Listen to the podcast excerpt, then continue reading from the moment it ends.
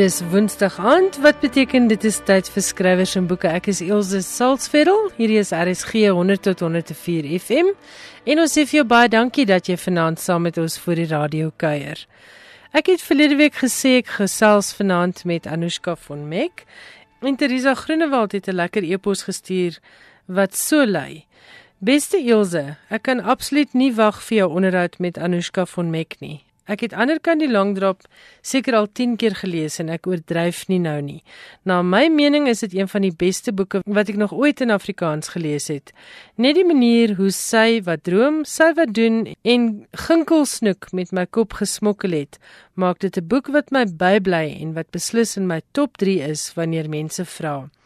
Ek weet jou onderhoud gaan waarskynlik meer op haar boek Vaselientjie fokus en ek moet bieg ek het nie die boek gelees nie.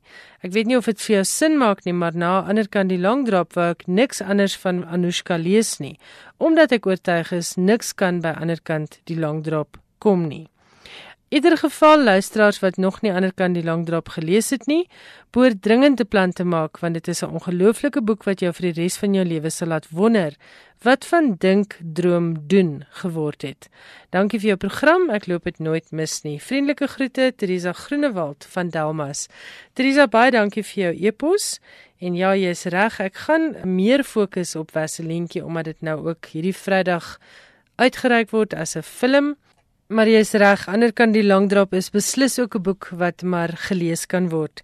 Maar uh Teresa, ek dink jy moet dalk ook 'n plan maak om Vaselientjie te lees want dit is in 2005 met die Jan Rabie rapportprys bekroon en dieselfde jaar ook met die MER prys vir jeugliteratuur as ook die Mnet prys vir Afrikaanse teks in kortformaat en in 2006 die jaar daarna het die boek weggeloop met die ATKV kinderboek toekenning vir die kategorie graad 8 tot 10. En hoewel Vaselientjie as 'n jeugverhaal geskryf is, is dit eintlik 'n storie myns insiens oor jong mense wat alle volwassenes ook behoort te lees. Maar kom ons hoor wat sê Anushka von Meck self. Ek en sy het verlede week telefonies gesels. Maar eers net so proeseltjie uit Vaselientjie voorgeles deur kollega Christel van Tonder. Geniet dit. Die bloed loop taai teen Vaselientjie se regterknie af. Daar's 'n druppel op die vloer net voor haar bank en sy steek haar voet uit om met haar skoolskoen daaroor te vee voor die juffrou sien. Voor in die klas is Donovan Roman besig om vir die hoeveelste keer die week Nkosi Sikeleli i Afrika uit te skryf. Al die ander graad 5 ken dit uit hulle kop Vaselientjie, die beste van almal. Bo die swart bord hang 'n groot horlosie. Vaselientjie probeer om nie op die horlosie te kyk nie, want sy weet dit gaan altyd gedurende die dag staan. Maar nogtans hou sy die wysers gespanne dop. Wanneer die huis toe gaan klok lui, moet sy eerste by die klas uit wees. Anders gaan sy meer as 'n stikkende knie hê teen die tyd dat sy hulle jaartal. Hulle gaan haar slat, het hulle gesê. Hulle gaan haar dik skop en haar ponies alles uitblik. Hulle gaan aanhou en aanhou tot sy vir hulle sê. Tant Kitta Bosman haal haar voorskoot af toe sy die grand motor voor die tuinhekkie sien stop. Dis die prinsipaal. Dis nou al die derde keer die kwartaal dat hy self vir Wesselientjie by die huis kom aflaai. Hy's 'n goeie man, dink tant Kitta. 'n besorgde mens wat nie bang is om sy moue vir die kinders in sy skooltjie op te rol nie. Sy loop nie dadelik voordeur toe nie, maar kyk eers skelm deur die kombuis se klein venstertjie na haar kleinkind. Toe sy die swart koppie met die twee lang boksterte en wit ingevlegte linte langs die prinsipaal sien uitklim, sug sy van verligting. Solank die kind net veilig is. Sy maak die voordeur oop en glimlag vriendelik vir die prinsipaal. Middag meneer. Hoe gaan dit? Middag mevrou Bosman. Mevrou ons sal moet praat. Vasilientjie staan agter die prinsipaal tot die groot mense begin gesels. Dan skuur sy verby, die gang af. Na rukkie kom sy skoon gewas met 'n gehekelde toppie en 'n skurkie aan uit haar kamer en gemaak vir die prinsipaal en haar ouma tee in die kombuis. Sy pak die koppies versigtig op die pierings met die ore almal na dieselfde kant gedraai, soos haar ouma haar geleer het. terwyl sy iets van die gesprek probeer hoor. Dit kan nie so aangaan nie, sê die prinsipaal. U verstaan tog dat daar iets aan die saak gedoen sal moet word, né? Vasilientjie kan nie hoor wat haar ouma antwoord nie. Maar toe sy die skinkbord wankelrig die sitkamer binne dra, sien sy haar ouma 'n traan wegpink. Anushka, baie welkom by Skrywers en Boeke en dankie dat jy met ons gesels. Hi, dankie. Kom ons begin by die begin. Ek wil altyd by skrywers weet, hoe het jy 'n skrywer geword? Jong, ek het eintlik my hele lewe lank nog geskryf. Dis een van daai goeters wat spontaan gebeur het. Ek dink ek het eendag vir jou 'n e-pos gestuur wat ek vertel het van toe ek klein was, vertel my ma my ouma kon hulle my nooit uit die bad uit kry nie. En as ek daar met my kaal boutjies in die lug lê, dan vra hulle vir my net maar hoekom kan ek nie uitklim nie? En dan sê ek net, maar ek skryf dan's ek besig om my vinger in die badserand in die water te skryf. So daar moet iets binne in 'n mens wees, dink ek, wat maak dat jy 'n skrywer of 'n kunstenaar of 'n sanger of 'n wat ook al word. Dis iets wat God in jou gedeponeer het. Nou die praktiese deel daarvan is ek het my eerste boek, as ek reg onthou, het ek vir 'n kompetisie ingeskryf toe ek nog op laerskool was. So 'n volle boek wat ek geskryf het. Ek onthou nog die boek se naam was Vrede Plaas en daar het niks daarvan gekom nie. Ek was so teleurgesteld dat ek ek dink toe eers miskien in my 30's weer regtig skryf. Ek weet nie, ek kan nie onthou wat ek in my 20's gedoen het nie. jy het maar, baie interessante dinge in jou lewe gedoen. Kom ons sê maar net dit. Ja, ek, ek jong, weet jy wat? Ek moet net vir dit ook sê. As 'n mens onderhoud voer, nê, dan is mense ons nou geneig om te praat van jy dit gedoen en daai het gebeur, maar niemand sê iets van al die jare tussenin wat jy net 'n doodgewone bestaan het soos almal nie. Ja, dis so ook waar. Ek moet dit byvoeg ja. voor ek nou baie interessant klink en as dit glad nie so nie. Anushka, jou debuutroman Ander kan die langdrap het wyd aandag getrek. Nes Vasilientjie, Vasilientjie is 3 keer bekroon, maar vir luisteraars wat nie jou werk ken nie of wat dalk net Vasilientjie ken, vertel vir ons kortliks waaroor gaan ander kan die langdrap en waaroor gaan Vasilientjie. Die boek is baie verskillend. Langdrap het ek geskryf toe my broers nie my 30ste verjaarsdag onthou het nie. Toe was ek so kwaad te skryf ek sommer 'n boek. Dis ook regtig nie waar. Ek op my verjaarsdag daai aand met 'n rekenaar gaan sit op 'n plaas in Franschhoek en ek nou skryf ek 'n boek. Julle sal sien. En daai boek word vertel as drie susters en jy kan die boek op 'n verskillende manier lees, maar eintlik op die einde dan kom jy dan besef jy, ah nee nee, nou het ek iets verkeerd verstaan. Dan is dit eintlik gees, siel en liggaam en is een persoon. So ja. dit slaap vir sielkundige 'n bietjie van 'n twisted iets. Ek weet nie hoekom ek dit so geskryf het nie, maar dit is hoe ek daai tyd gevoel het. Ek sal dit nou natuurlik baie anders te gedoen het. Maar die boek het vir my ek is geneig om profeties te wees. So ek skryf baie keer goeders en ek moet baie versigtig wees want dan is daar geneigtheid dat dele daarvan waar word. Wat ek hou van daai boek is dat sekere dele en ek weet nou nie hoe mense dit noem nie, kan ek maar sê is geïnspireer. Dis nie uitgedink nie. Dis asof ek net gaan sit en as 'n skerm in my kop en die woorde kom net. En daai dele is perfek. As ook nie spelfoute in nie. Ek skryf dit ook nooit oor nie. En wat interessant is van daai boek is ek hier lê 'n kopie nou in my ma se huis Hierdie kopie het net weer daarna gekyk. Daai dele vertel vir my van my lewe in die toekoms. En dit is as ek sleg voel en twyfel oor my lewe, dan gaan kyk ek wat het ek geskryf? Wat staan daar? Ehm um, en jy weet ek gaan deur baie tye wat ek worstel met my geloof. Ek is nie altyd 'n Christen nie. Soms is ek ver weg van die Here. Maar in daai boek en ek dink nie ek was 'n Christen toe ek daai boek geskryf het nie. staan daar ek aanvaar die offer. Jesus se offer. So dis profeties oor my lewe. Ek het dit as 'n nie-Christen geskryf. Ja, en en met 'n boek soos Vaselientjie kom jou geloof ook deur of die die belangrikheid van geloof in mense se lewe. Wanneer het jy besef hierdie is deel van jou pad? Dit is ook van daai van altyd af. Ek het gedeeltelik groot geword by my ouma en oupa en hulle was die NG predikant van McGregor daarna by Robertson. En Ek dink my ouma en oupa was so geesvervuld, maar op 'n ou tydse manier. En ouma en oupa moes so baie van Jesus gepraat het as 'n werklike persoon dat ek groot geword het onder die indruk dat hy is een van my ooms. Maar hy is my onsigbare oom. Dis mooi nie. Dis 'n baie mooi manier om dit te stel, ja. Baie, en ek het so groot geword. Ek het ek dink dis my oom en ek en my oom doen dit en my oom doen dat en my oom hou van lag en dis my eerste indrukke van Jesus is deel van ons familie, maar hy's net onsigbaar. So ek was ek is diep gelowig en aangetrokke gewees na die Here op 'n op 'n kinderlike manier, maar nie godsdienstig nie. En so elke keer wat ek kan ek mos sê amper godsdiens my probeer vorm het in 'n sekere manier te glo het ek weggevlug daarvan maar ek kon nog nooit werklik sonder enige geloof bestaan. Ek is nie iemand wat hou van eensaam wees nie. Ek soek daai daai iets ekstra. Kom ons praat oor Vaselientjie en die tyd wat jy by die kinderhuis in Robertson gewerk het. Het dit aanleiding gegee direkte aanleiding gegee tot Vaselientjie direkte aanleiding ja maar nie bewustelik nie. Kyk ek het daar by die kinderhuis gaan werk sonder om eers te weet wat 'n kinderhuis is.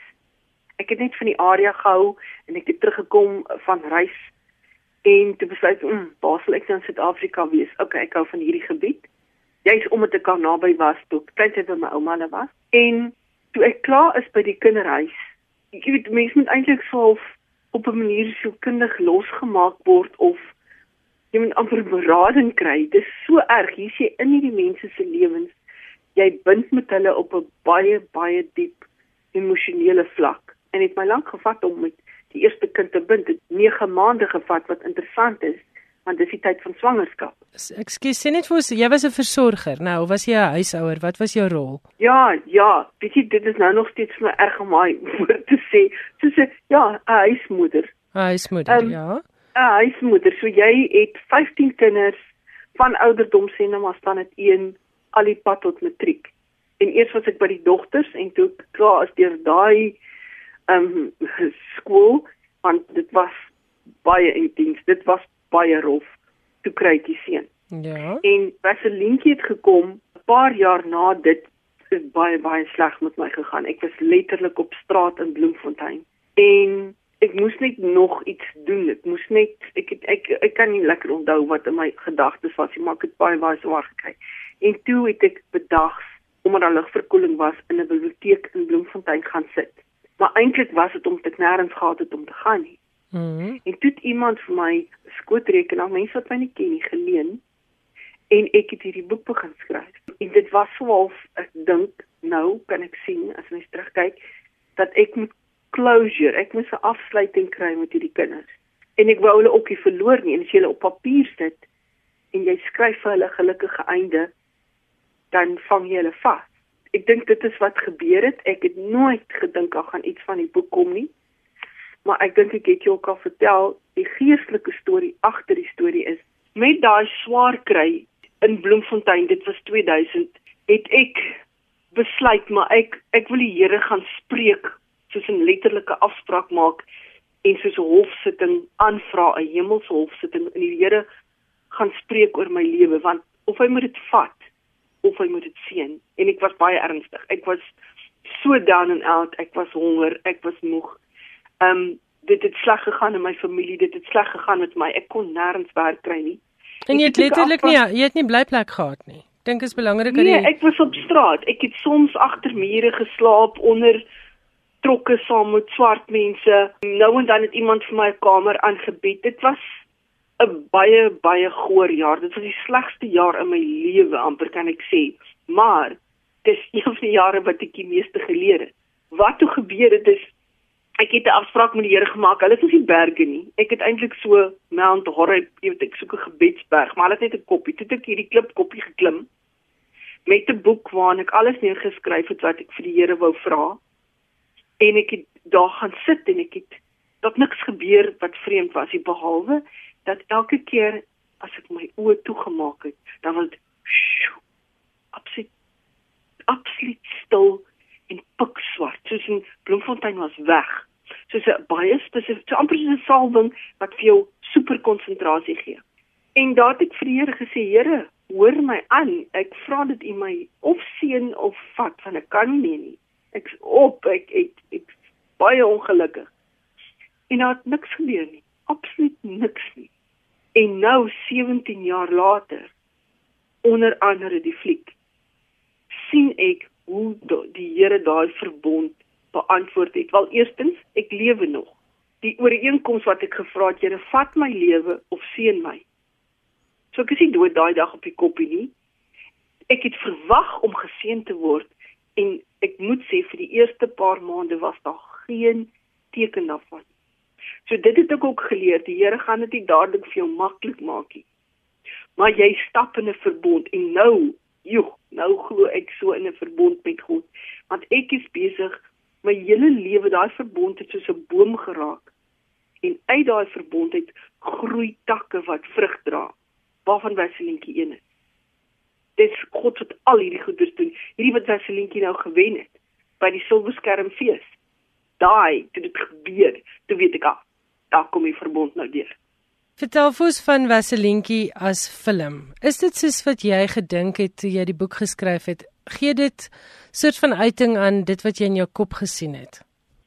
Daar is genoeg dele van die fliek wat is soos wat my hart en my kop is dat ek gelukkig is. Want kyk, ek verstaan baie goed en die mense dit vir my oor en oor dis Corneille en Renée van Rooyen van Red Letter, daai pictures wat dit gemaak het hulle het vir my mooi verduidelik. Luister ons jy moet weet jy moenie die boek verwag nie. Hulle was super noud, arm goed. en hulle is ook nice mense en ons kom baie goed oor die weg. So dan gewoonlik as jy jou storie verkoop, is dit verkoop. Jy het geen regte mee op nie. Die mense mag daarmee maak net wat hulle wil. En hulle hou ook die skrywers weg gewoonlik van die film af want ek bedoel soos wanneer hulle dit maak, want die skrywers word gewoonlik ontstel want dit iets anders gebeur as wat hulle miskien in hulle gedagtes het. In hierdie geval het ek en Corneille so goed oor die weg gekom dat hulle my genoeg vertrou het om my opstel toe te laat en my insaag gevra het en soms nie altyd nie. En ek het baie goed verstaan dat hierdie is soos 'n baba wat ek opgegee het vir aanneming en ander ouers moet ek nou vertrou om die kind groot te maak. So die die fliek is definitief nie die boek nie, maar die die fliek is nie slegter as die boek nie. Hy het net soos Corneille se eie stem. Maar daar's baie baie dis 'n um, 'n poëtiese mooi rolprent. Dis 'n kunstfliek. En daar's genoeg goeters in wat presies is dieselfde soos wat ek dink. Veral die tonele byvoorbeeld in die Noord-Kaap waar ek by was. Die ding van Vaselientjie se storie, dit is nie uh die gedis gebaseer losweg op van die kinderhuiskinders wat jy mee gewerk het se lewens, maar dis nie gebaseer op 'n spesifieke karakter nie, is ek reg? Ja, kyk, toe die storie geskryf het aanvanklik, was daar nog meer karakters en dinge het 'n bietjie anders te gelyk en ek ek gee alle krediet aan die persgereedmaker Louise Stein wat my daai storie laat oor en oor en oor skryf het en sy het baie van die karakters gesny en op saamgelas. Vaselientjie is die enigste persoon wat nie regtig van 'n karakter of deur 'n kind geïnspireer is nie. Vaselientjie is die opgemaakte ene. Maar al die ander kinders kan ek maar sê die oorspronklike idee het van 'n kind afgekom. Maar ons het so die kind beskerm dat dit kan byvoorbeeld 'n storie van 'n seentjie wees, maar nou sal dit 'n rooi kop dogtertjie wees. Jy sal nooit weet wie die kind, verstaan jy? Ja. So dis my inspirasie kom van iets wat regtig gebeur het. Baie van die goed wat regtig gebeur het, die huismoeder is ek self. Wat 'n situasie ook meeste van die tyd heeltemal verkeerd hanteer. Ja, want jy weet wat self probeer ophang um, wat dan moet met die skooldas. En toe gelukkig het die die stortkop gebuig en die teels 'n bietjie afgekom toe is sy nie dood nie en ek is die juffrou wat aan diens was toe dit gebeur het byvoorbeeld. So daar is hier en daar eh, waarheid geïnspireerde stukke, maar dit is 'n ja. fiktiewe storie en net kortliks waar kom die naam Wesselientjie vandaan want dit het ook 'n besonderse storie. Wesselientjie is 'n regte naam. Wat gebeur het is een van my niggies is getroud met 'n boer buite McGregor en hulle het van hierdie honde wat jy nie uit die kar uit kan klim nie, baie baie mensvetter goeters en ek was alleen by 'n huis en ek sien daai honde om een van die bakkies en ek is te bang daar's dalk 'n kat agter op die bakkie. Ek weet nie waar almal was nie, maar ek is toe daar uit en toe ek by die bakkie inloer, toe sit daar 'n klein bruin dogtertjie in wegkruip en ek sê wat maak jy so in? Wat jou naam? Dis is 'n Vaselientjie. En ek is skoon verbaas geweest en dis is ja, 'n stukkie Vaselientjie. Maar die storie van 'n baba wat ontdek word is 'n koerantberiggie van 'n baba wat in Walvisbaai gevind is by die duine. 'n pasgebore babatjie. Ja, en wat mense nie kon agterkom wat se kultuurgroep is hierdie baba nie. En eh, ek was baie geroer deur die storie want omdat dit so droog is in die woestyn, dis nog steeds naby die dorp. Ek weet nie of jy weet hoe lyk Walvisbaai nie. Ja, dis maar dis woestyn. Dit is ehm um, Ja, okay. duin op duin. Ja, so die dorp is daar, dan loop 'n treinspoor en die duin is letterlik net daar. So is nie ver van die dorp af nie. Maar die baba was toe heeltemal oortrek met insekte en die vliee het eiers na ore gelê en sy was oortrek met mure omdat hulle is getrek na die nattigheid, na die vog. En die dogtertjie was gebyt deur die insekte en sy het hierdie eiers na oor gehad en daai daai beeld het my net bygebly. En uiteindelik het daai beeld teruggevind in my storie. Dan natuurlik 'n deel van Vaselientjie wat nou later by my bygekom het.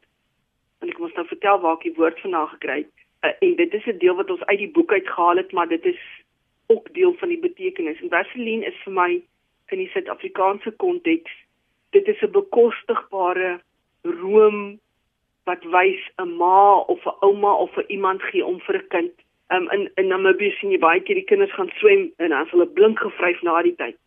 Maar aan die ander kant, ek as joernalis, en dit is baie erg om te sê, wys dit die donker kant van Suid-Afrika waar verkragters goeder soos Vaseline gebruik om kinders te molesteer of selfs baba. So daar's hierdie twee kante. Dit praat met Suid-Afrika. Dit is die omgee kant en is die mishandeling en die kwesbaarheid van ons kinders. En dit is hoekom hierdie ek bebid hierdie rolprent ek be, soos ek die boek bebid het dat die Here iets doen, dat daar 'n krag uitkom wat genesing in harte bring. En ek wil nou nie klisjé agtig klink nie. Ek ek's baie ernstig as ek dit sê. Ek soek iets by die Here wat nie 'n mooi fliek is nie, wat nie 'n mooi storie is nie. Ek soek die vrystelling van genesende krag. Anushka von Meck, baie dankie vir jou tyd vanaand. Dankie dat jy jou hart so oopgemaak het oor jou eie lewe en ook oor Vaselientjie en alles wat dit geïnspireer het. En luisteraars, hierdie film is van Vrydag af in teaters naby jou. Gaan kyk dit gerus. Dis ook propvol humor en ligter oomblikke. Soos ek voorheen gesê het, hierdie boek is met 'n ATKV kinderboektoekenning bekroon in 2006 en dit is die kinderboektoekennings waarvoor kinders self stem. Met ander woorde, dit is nie swaar uh letterkunde nie, dit is regtig ware inspirerende lekker leesboek en die film wat ook Engelse onderskrifte het, dink ek is iets wat die hele gesin kan gaan kyk. Vaselientjie is ook onlangs heruitgegee deur Tafelberg Uitgewers. Dit is beskikbaar teen R175 aanbevole rakprys.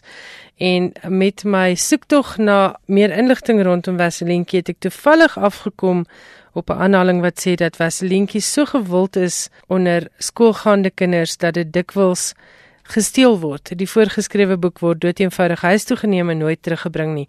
So doen jou tienere guns en koop vir hom of vir haar Vaselientjie. Frank Chipula is in Zambië in 1949 gebore, maar het later Malawi se burgerskap aanvaar. Hy het na sy voorgraadse studies in Malawi na Amerika gereis waar hy in die letterkunde gestudeer het, onder andere 'n PhD aan die Universiteit van Yale. Chipula het gou groot belofte as digter getoon. Sy eerste werk, Visions and Reflections, het in 1972 verskyn en daarna het nog vele ander gevolg. Hy het die BBC Digtersprys in 1989 ontvang vir sy Night Watcher Night Song en ook die Nomma toekenning vir Afrika skrywers en digters in 1985 met die verskyning van sy O Earth Wait for Me. Hier is 'n deel uit Frank Chipula se gedig A Song in Spring. My son dances in the circle of his own light. See his feet blossom as he dances to a distant song. My son dances, steps over the sun. He has caught the sun in his palm. He rubs the sun with his fingers. Skrywers van Afrika word saamgestel deur Terrence April en jy het Wouter de Wet se stem daar gehoor as voorleser. Soos verlede week beloof, praat ek nou met Christo Davids wat die ATKV woordfeertjie ontvang het vir beste dramateks vir sy drama My seuns. Christo, goeienaand en baie baie geluk met jou ATKV woordfeertjie. Baie dankie. Vertel vir ons luisteraars net so klein bietjie meer oor My seuns. Wel die toneelstuk handel oor 'n paartjie wat in die 1980s getrou het, 'n wit man by naam Leroux en 'n bruin vrou, 'n Joy. En die storie handel oor hulle lewe en hulle was albei aktiviste in die apartheidjare en die impak en die invloed wat dit het op hulle twee seuns wat tans in die nuwe Suid-Afrika leef en die impak van die verlede op vandag en die pad vorentoe wat is die pad vorentoe die storie handel basies maar oor hoop en die verhouding tussen hierdie twee broers want die een broer het uitgekom baie lig van kleur en die ander broer het uitgekom baie bruin en hoe hulle twee moes koop in 'n samelewing van vandag Maar dis nie net swaar nie, né, want die stukkie wat daar op die planke was, het ook 'n nee. klein bietjie die ligter kant gewys van menseverhoudinge. Ja, ja, ja, nee, beslis. Uh daar's baie humor in die drama. Dit is vir my altyd baie goed as 'n mens oor sekere dinge kan lag. Jy het ook in jou ontvangstoespraak gesê dat NATI die nasionale toneelinisiatief volgende jaar gaan help dat hierdie stuk op die planke gebring gaan word. Gaan ons dit nou byvoorbeeld by kunstefeeste sien? Ja, die produksie open volgende jaar by die uh Aardklop Kunstefees in Potchefstroom. So dis 2018. Dis nou nie dis 2018 ja. Ja. Nee, nie nie hierdie een nie, by hierdie Aardklop Kunstefees wat nou opkom, doen ek uh weer martelsang, Tessende Maiden. Goed, goed. En sê vir my waar die idee vir my seuns vandaan gekom? Ek het baie lank terug uh, 'n uh, teks gelees wat Arthur Miller geskryf het oor my son. Ek het hy storie baie relevant gevind in gedag. My oom was ook 'n politieke uh, aktivis in die apartheid jare. Ek het baie uit sy lewe en uit sy ervarings uitgeput om, om die storie teen einde te skryf. Jy is bekend as akteur. Ons het jou leer ken in Sewende Laan, maar jy is deesdae besig om jou vlerke baie wyd te sprei. Wat het jy nog geskryf?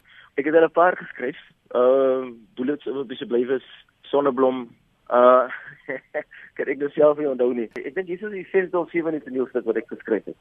En watter deel van hierdie kreatiewe proses geniet jy die meeste? Die skryf van 'n drama of om in die regisseurstoel te sit of om op die verhoog te wees? Ek geniet die regie nogal baie moet ek sê. En sê vir my werk jy tans aan 'n nuwe drama? Um op die oomblik ja ek het 'n paar projekte waaraan ek werk. Ek wil nie te veel daaroor uitwy nie maar ehm uh, daar is daar is uh, beslis twee nuwe toneelstukke waarmee ek besig is tans. Christo Davids baie geluk met jou ATKV woordfeertjie vir my seuns in die kategorie beste drama teks en ek sien uit om dit op die planke te sien. Baie dankie. So gesels Christo Davids. As jy pas ingeskakel het, jy luister na RSG 100 tot 104 FM. Hierdie is skrywers en boeke en ek is Elsje Saltzveld.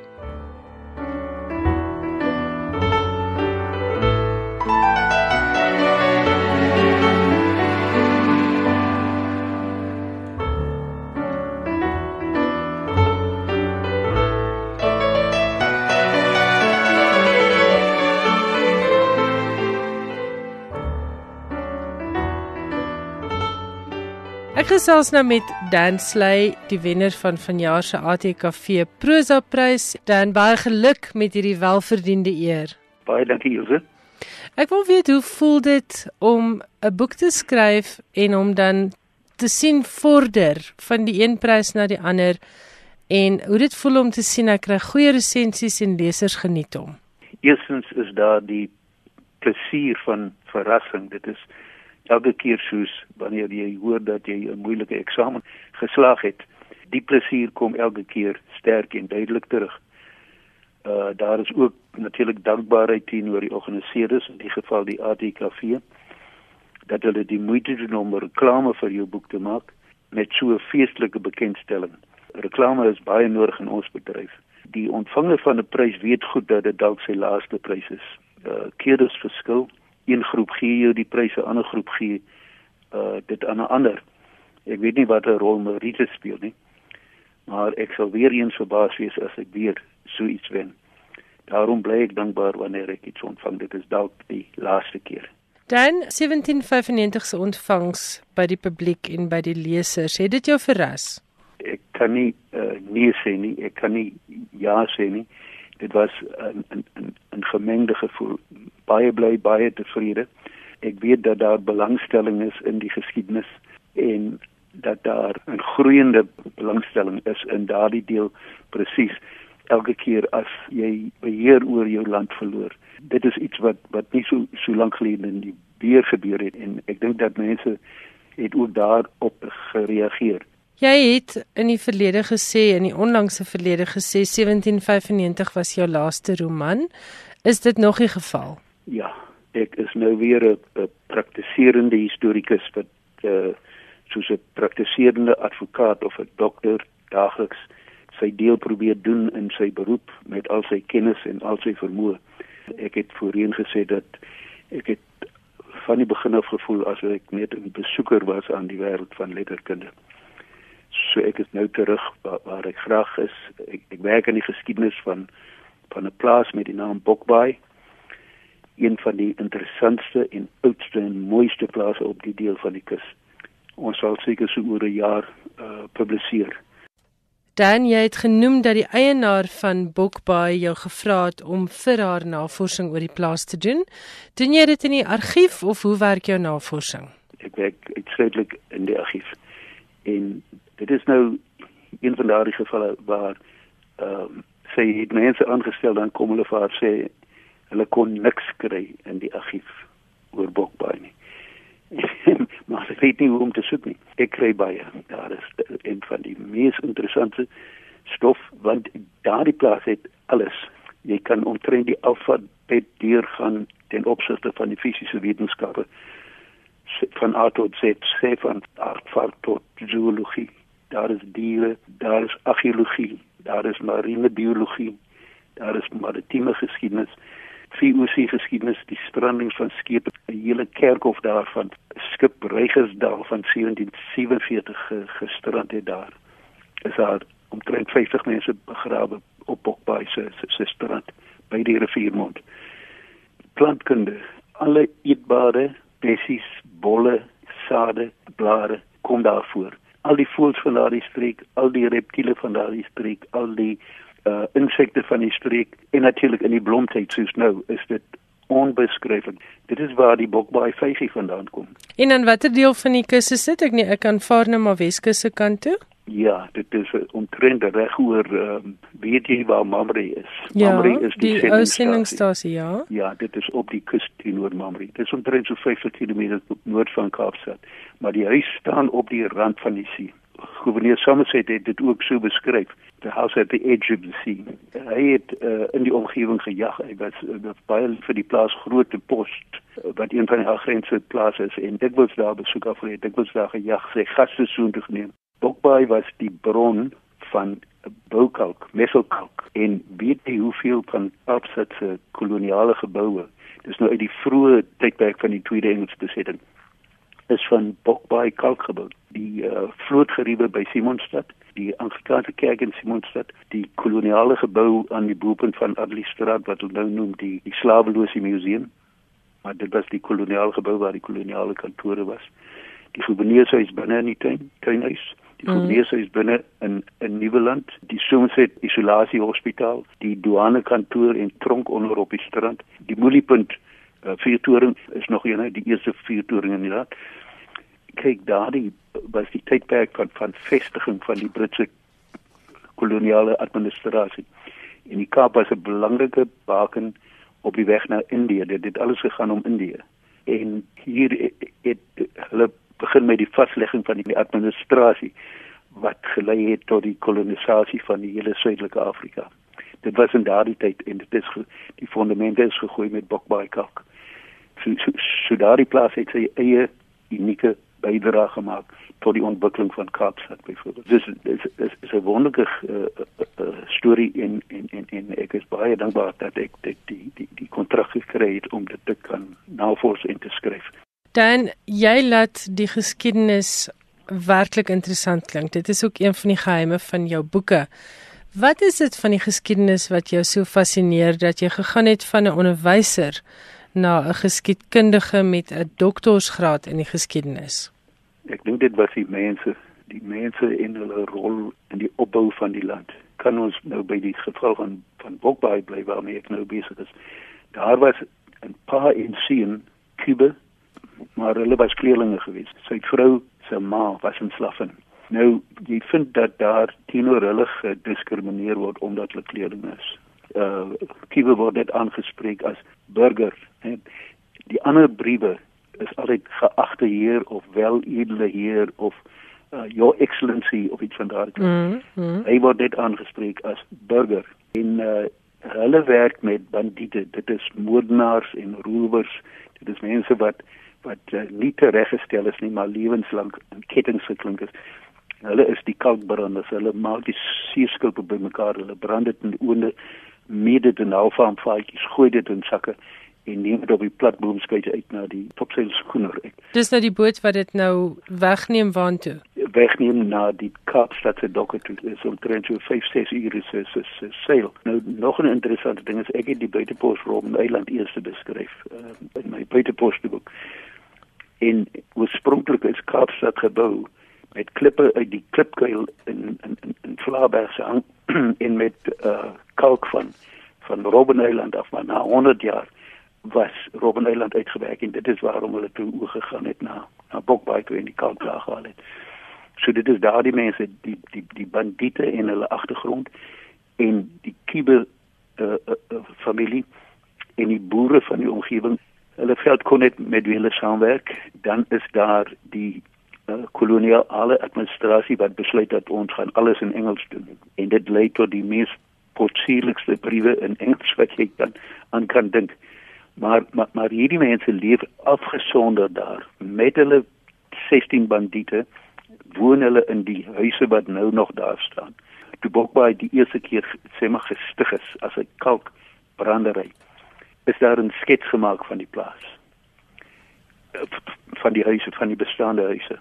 En ons was so gelukkig om dit te vind. Dit was in die besit van John Duckett een van die vorige eienaars van Bokbaai uh, wat my interesseer in die in die mense is byvoorbeeld dat Hilda Gonda Duckett bekende wisselkundige uh, wat sy geskryf oor kookkuns, blommeversiering, al daardie wat sy van hulle familie vakansies geskryf het. Maar dit is sulke interessante mense, die menslike gedrag onder moeilike omstandighede, het my nog altyd ge geïnteresseer. Hulle wat die las dra van die koloniale uh, opbloei. Uh, ek het dit beskryf in die buiteposse, ek het dit beskryf in eilande. Ek het dit nou weer hier in die boek waar ek nog werk. Wonderlik interessant. Jy kry die grootste dade van menslewendheid van hulp aan dit is daar was een geval waar 'n Kaapse slaffen word uh gedag om voor die hof te verskyn op Swellendam. Nou hoekom sy daar? Sy was op Swellendam, sy is gekoop Kaap toe. Nou moet sy terug gaan Sondam toe vir hofsaak. Hoe op die aarde kom daardie vrou daar? En dan gee die landros van Kaapstad. Ek het nie geweet ons het 'n landros van die Emerade van Kaapstad gehad nie. Ek het gedink dit was net die platlandse dorpe. Dan gee hy opdrag aan verskillende boere langs die pad om haar oor die weg te help. Van Veldkonet tot Veldkonet help haar uh, oor die weg. Dit was die presiese woorde wat wat gebruik is.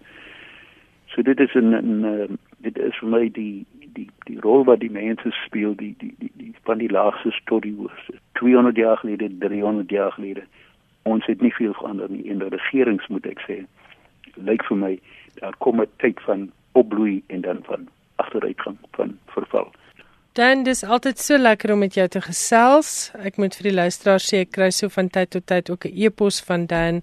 Dis altyd 'n hoogtepunt in my week om van jou terugvoer te kry en om van jou te hoor. Baie baie voorspoed met hierdie interessante navorsing. Baie dankie Ilse. En voorspoed aan jou. Nogmaals geluk met die ATKV Prosa Prys, baie welverdiend. En dankie dat jy 1795 se geskiedenis ook vir ons in die letterkunde vir ewig het. Baie dankie. En so gesels Dan Sley, die wenner van die ATKV Prosa Prys vir 2017 vir sy boek 1795. Die boek is in 2015 in manuskripvorm aangewys as die wenner van NB se groot romanwedstryd en vroeër vanjaar is 1795 ook bekroon met die WA Hofmeyer Prys vir Afrikaanse fiksie. As jy nog meer wil lees oor hierdie baie interessante man, byvoorbeeld wat het hom aan die lees en aan die skryf gekry, gaan lees gerus my onderhoud met hom op afrikaans.com se webwerf.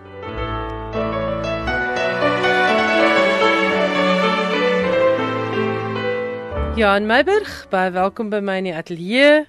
Dis nou tyd vir jou weeklikse internasionale letterkunde insetsel. Vanaand het jy weer 'n lekker verskeidenheid. Die Man Booker kortlys is bekend gemaak. Is baie het kry 'n toekenning en dan ietsie oor plagiaat. Kom ons begin met die Man Booker. Die kortlys vir die 2017 Man Booker Prys is intussen aangekondig. En van die 6 skrywers wat vanjaar meeding is 3 Britte en 3 Amerikaners. Die insluiting van die drie Amerikaners, Paul Auster, Emily Fritland en George Saunders, het volgens die New York Times onmiddellik die onsekerheid van 2013 laat herleef toe besluit is om die prys, een van die wêreld se mees gesogte letterkundepryse, oop te gooi vir 'n roman geskryf in Engels en uitgegee in Brittanje, ongeag die nasionaliteit van die skrywer. Verlede jaar was dit ook 'n Amerikaner, Paul Beatty, wat met sy The Sellout die prys verower het. Die drie Britte is Fiona Mosley en Ali Smith en die Brits-Pakistaanse Moshin Amid. Onder die skrywers wie se werk dit nie vir die kortlys gemaak het nie, is Arundhati Roy se The Ministry of Utmost Happiness. Roy het 20 jaar gelede die Man Booker met haar debuut God of Small Things gewen. Eweso het Sebastian Barry se Days Without End, 'n boek wat reeds 'n hele aantal aansienlike pryse verower het, nie die kortlys gehaal nie. Ook nie Zadie Smith se Swing Time nie of Colson Whitehead se The Underground Railroad nie. Whitehead se boek was die beroepswedder se gunsteling op die langlys. En die boek het ook 'n string pryse op sy kerfstok, onder meer die Pulitzer en die National Book Award. Die uitsluiting van die boek is een van die grootste verrassings indien nie skokke nie van vanjaar se kortlys. Na die aankondiging van die kortlys het Ladbrokes onmiddellik George Saunders met sy Lincoln in the Bardo uitgegee deur Bloomsbury met 2 teen 1 as die gunsteling aangewys. Tweede is Moshina Meet met sy Exit West uitgegee deur Penguin Random House en Fiona Mosley met haar Elmet uitgegee deur John Murray met 4 teen 1. Paul Oster met sy 4321 uitgegee deur Faber en Faber lê op 15 1 en Emily Friedland met haar History of Wolves uitgegee deur Orion Books en Ali Smith met haar Autumn uitgegee deur Penguin Random House albei op 16 1. Soos met die Turner Prys vir visuele kunste, sorg die Man Booker jaarliks vir heelwat opwinding en wetenskappe in Brittanje. Die wenner word op 17 Oktober aangekondig. Die Hans Christian Andersen Letterkundeprys word volgende jaar aan die Engelse skrywer A.S. Baie toegekend. Die prys word in Odense in Denemarke aan Baie toegekend vir en ek haal aan haar geloof in die waarheid van veeverhale, fabels en poesie tesame met haar historiese fiksie wat die werk van Andersen so helder voor die oog bring. Baie se romans van die afgelope 50 jaar is dikwels geplaas in die 19de eeu en haar verhale put uit familieverbande en klasseverskille. Onder haar boeke tel The Shadow of the Sun, The Game, The Virgin in the Garden, Still Life, Babel Tower, A Whistling Woman en die verstommende possession waarmee sy in 1990 die Booker-prys verower het. Die verhaal van twee fiktiewe Victoriaanse digters, Randolph Henry Ashe en Christabel Lamotte, en daarmee saam die van twee hedendaagse navorsers, Roland Michel en Maud Bailey, word ingekleur met briewe, dagboekinskrywings en gedigte, en wat nie al nie, wat jou wil laat Google om meer oor hulle te wete te kom. Wel in 1990 moes mense ensiklopedie nader trek om te bevestig die twee is inderdaad fiktief. Die Hans Christian Andersen prys word elke 2 jaar toegekend en is met 'n prysgeld van net meer as 1 miljoen rand een van die groter internasionale letterkundepryse. Vorige ontvangers van die prys sluit in Salman Rushdie en Haruki Murakami. 'n Ondersoek het aan die lig gebring dat Pierre Derousseau die Kanadese digter wat van 2009 tot 2011 ook die land se amptelike hofdigter was, hom skuldig gemaak het aan kroniese plagiaat. Derisou is verlede jaar dood in die ouderdom van 71. Volgens die Telegraph dui die ondersoek daarop dat hy met enkele veranderinge die werk van 20 digters onder wie Maya Angelou, Dylan Thomas, Charles Bukowski, asook die van die kletsrymer Tupac Shakur oorgeskryf het. Dit was op die Facebookblad Plagiarism Alerts waar die hele ding begin het. Die Britse digter Ira Lightman het op die forum snuf in die neus gekry en die ooreenkomste tussen Rousseau en Angelo se verse begin ondersoek. Dit was die Kanadese digter Cathy Figuera wat sy aandag gefestig het op die ongelooflike ooreenkomste tussen Rousseau se gedig Javance en Angelo se gedig Still I Rise. Lightman het ook ontdek dat Rousseau se gedig When I'm Alone swaar steun op 'n vers van Shakur met die titel Sometimes I Cry. Die gedigte kom uit die Rousseau se bundel van 2013 Tranchées de vie direk vertaal as snitte van die lewe. Die bundel is intussen onttrek. En die hele voorval het my aandag weer gefestig op Maya Angelou se Still I Rise wat sy hier so besield voordra. You may write me down in history with your bitter twisted lies. You may trod me in the very dirt, but still like dust I'll rise. Does my sassiness upset you?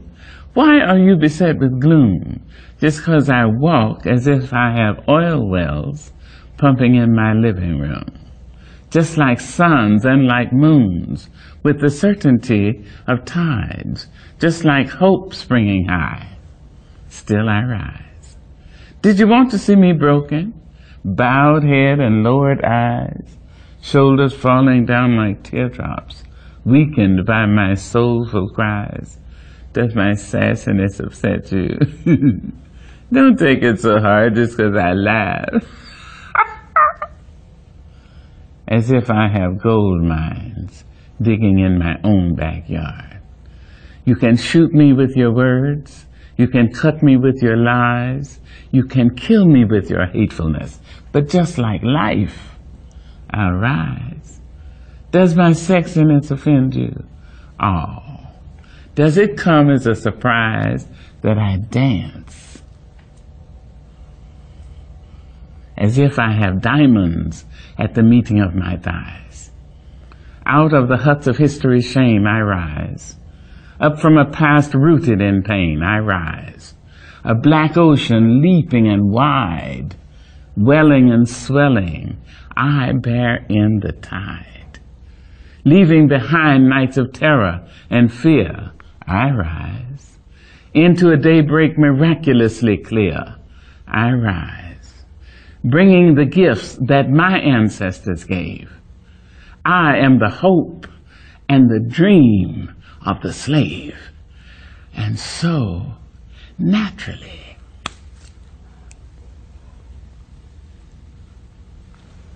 there I go rising. Dit was die stem van Maya Angelou. Jan, mens sou tog dink dat mense versigtiger omgaan met plagiaat in die digitale eeu, want die internet is darm nou al met ons sedert die laat 1990s.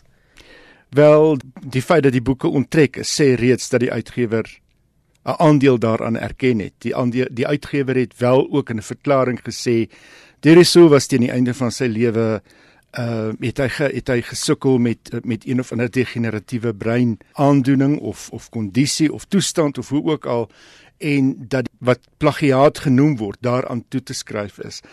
Ek weet nie, jy's heeltemal reg, 'n mens moet ongelooflik ligloop vir vir die soort goed.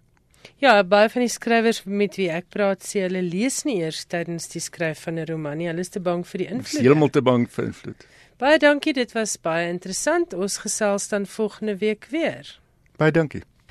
Johan Meiburg se lekker interessante onderhoude beteken ongelukkig ook altyd dat ons aan die einde gekom het van skrywers en boeke. Baie dankie dat jy vanaand weer saam geluister het. Onthou om Vaselientjie te gaan kyk hierdie naweek. Dit open Vrydag in Rolprentteaters. En ek sou reken dit is 'n moet sien fliek want dit is by die Silverskermfees bekroon as beste fliek. So gaan maak gerus 'n draai, jy hoef nie vooraf die boek te lees nie. Die wat die boek gelees het, laat weet gerus vir ons hoe julle die fliek ervaar. Onthou ons e-posadres is skrywersenboeke@rsg.co.za en die SMS nommer is soos altyd 45770. Die SMS nommer 45770. Ek is Elsje Salzwetel. Baie dankie dat jy saamgeluister het. Volgende week maak ons weer so en dan gesels Zet Kotse Meiberg in Kaapstad met François Loots oor sy jongste roman Die Die Blou See. Ek groet tot volgende week, maar moet nog nie die radio afskakel nie want daar's nog baie mooi musiek vir die res van vanaand hier op RSG. Totsiens.